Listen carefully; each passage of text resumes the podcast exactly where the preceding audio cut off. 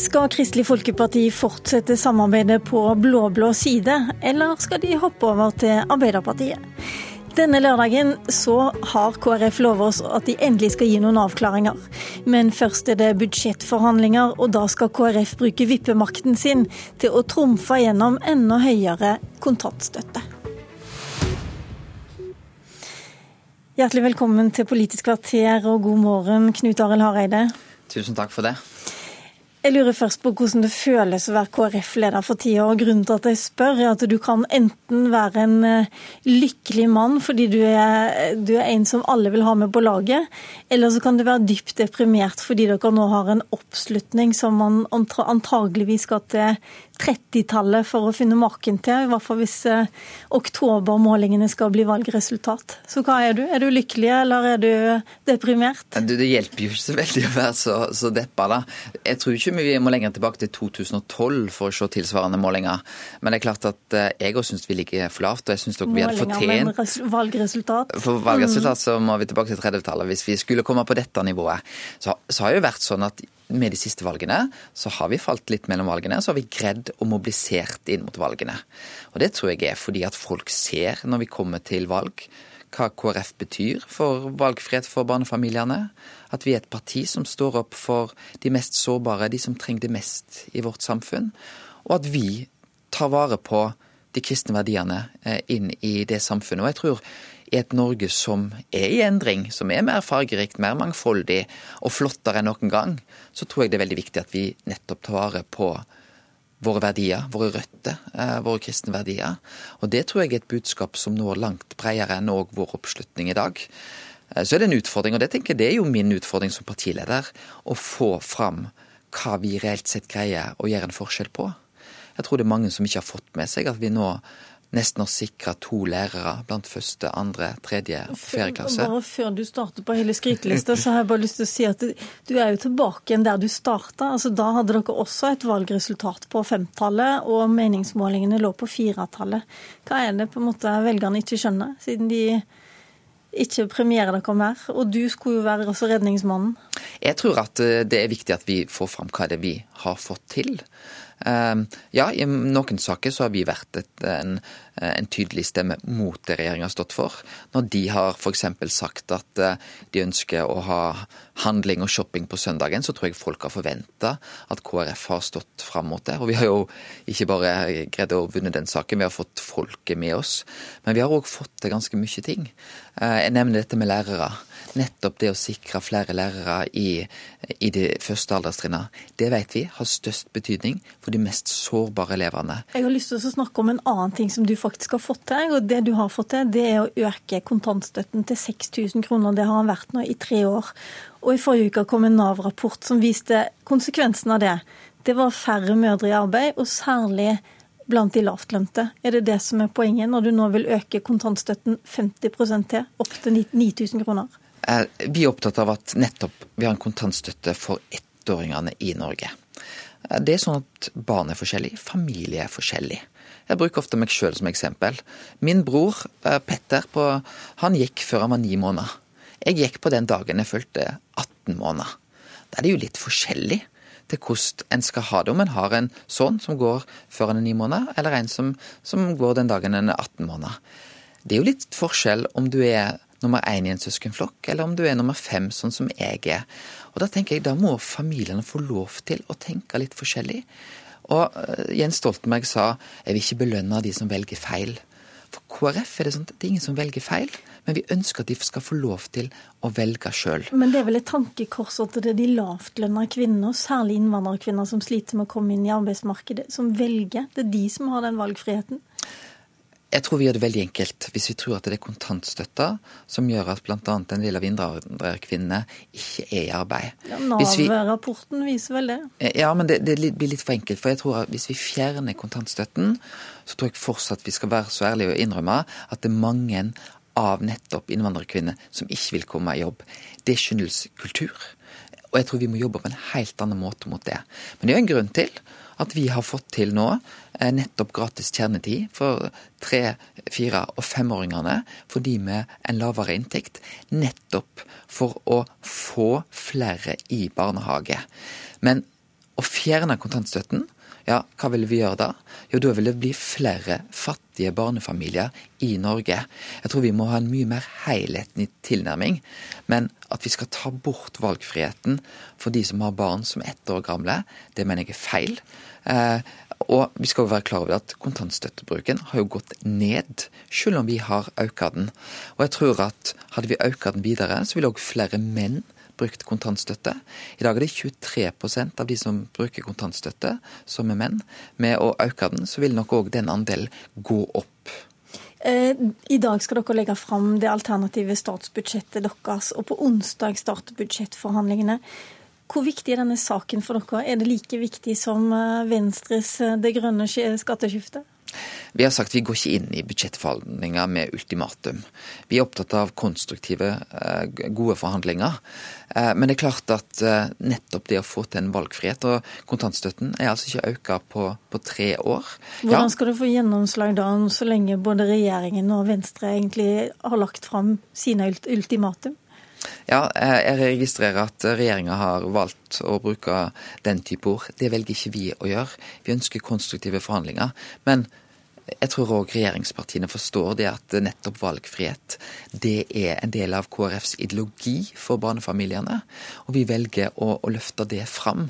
Og vi, altså, vi fikk jo for tre år siden, så greide vi å øke fra 3000, som var kontantstøtta under rød-grønn tid for de mellom 18 og 24 måneder, så greide vi å øke den til, til 6000.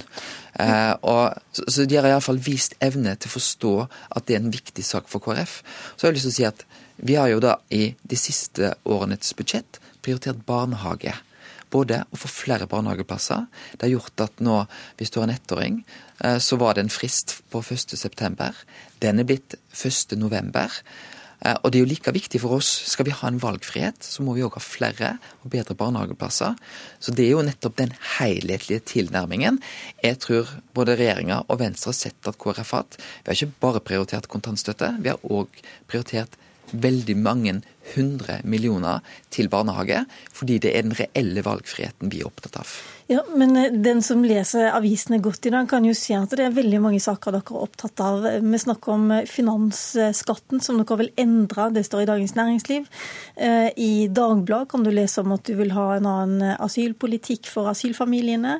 I Dagsrevyen på fredag kunne vi høre at du ville ha mer penger for å bekjempe vold mot barn.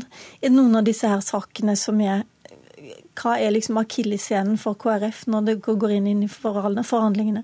Jeg tror at eh, for KrF så er akilleshælen at nettopp for oss er det viktig å løfte noen av de mest sårbare i vårt samfunn. Eh, det er å ha en politikk for de som trenger det mest, som er, som er viktig for oss. Og nå kommer jo regjeringa da med en eh, opptrappingsplan for voldsutsatte barn. Vold i nære relasjoner. Og det var en skuffelse, ikke for, for KrF, men for de barna som vi vet har en kanskje den mest krevende situasjonen i landet vårt.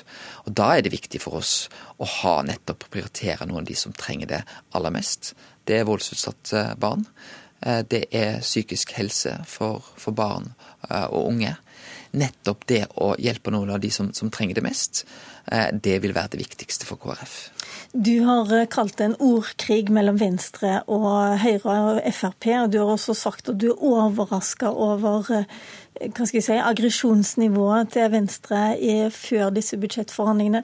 Tror du at dere klarer å komme fram til enighet også i år? Eh, jeg har lyst til å si at Venstre syns jeg er veldig, er veldig gjenkjennelige. Vi vet at nettopp klima, å få ned klimagassutslippene, vil være ekstremt viktig både for, for Venstre og, og KrF. Og vi legger fram et budsjett i dag som vil være en oppskrift for å få klimagassutslippene ned.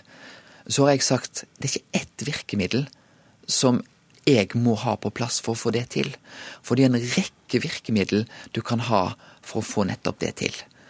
Der er det en portefølje, ja. Vi vet at det finnes nettopp mange endringer på, på skatte og avgift. Vi er nødt til å gjøre det sånn at det skal koste mindre å opptre miljøvennlig, og så må det koste mer hvis du gjør det motsatte.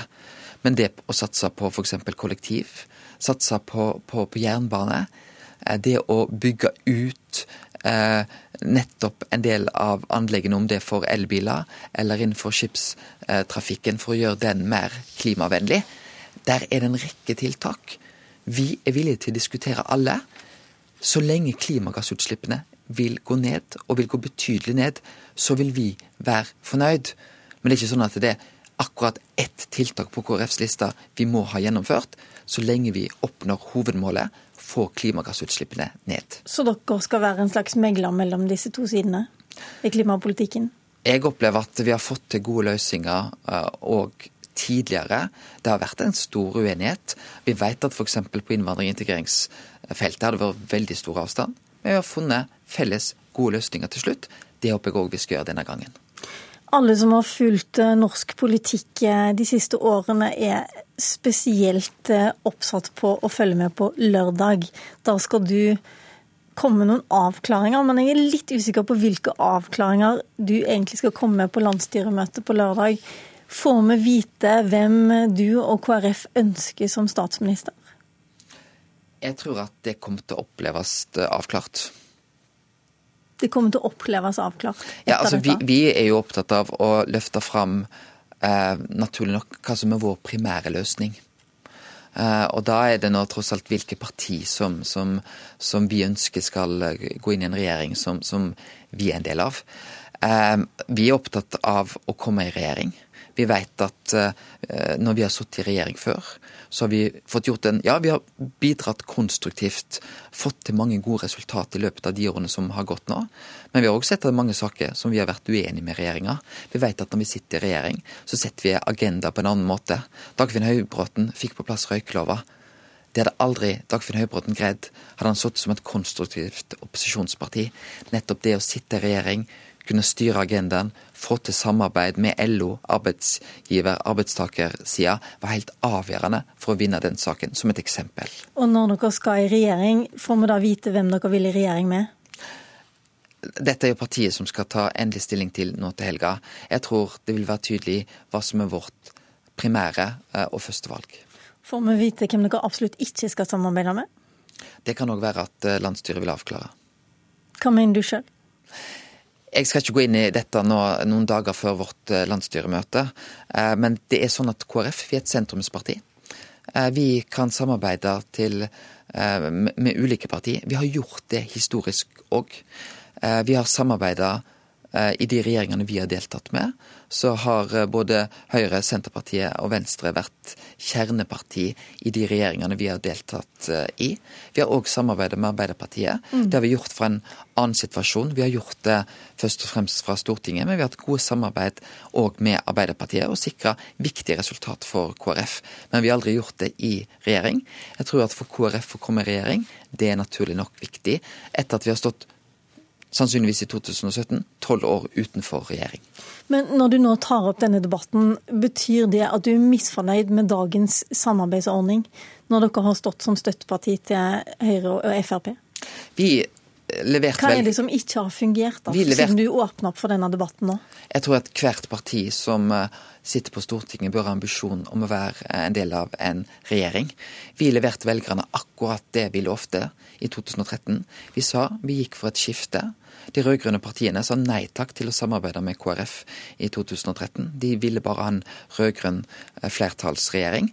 Jeg opplever at situasjonen, mulighetsbildet, vil være et annet i 2017 enn det var i 2013. Men det er klart, ethvert politisk parti som er ansvarlig, bør ha ambisjoner om å sitte i regjering. Det har vi òg. Vi har gjort det før. Vi har gjort det med suksess, og vi har fått viktige saker gjennom på den måten. Eh, det vil være naturlig òg for KrF å ha det som hovedmål når vi går til valget mot 2017. Det, vi får se hvor mye avklaringer vi får i løpet av uka. Det har også vært en del som mener at dere ikke bør avklare. Fordi at eh, å holde det åpent lengst mulig, det gir dere best eh, mulighet til å forhandle. Jeg har lyst til å si Dette er jo ikke et spill for KrF. Dette er jo fordi at vi er opptatt av å få gjennomført mest mulig av vår politikk. Og det er viktigere for oss hva vi samarbeider om, enn hvem vi samarbeider med, naturlig nok. Ok, I dag klokka 11 er det pressekonferanse om eh, budsjettet til KrF. Onsdag er det budsjettforhandlinger. Lørdag klokken 15.00 går du på talerstolen i, til KrFs landsstyremøte. Politisk kvarter var ved Lilla Sølhusvik.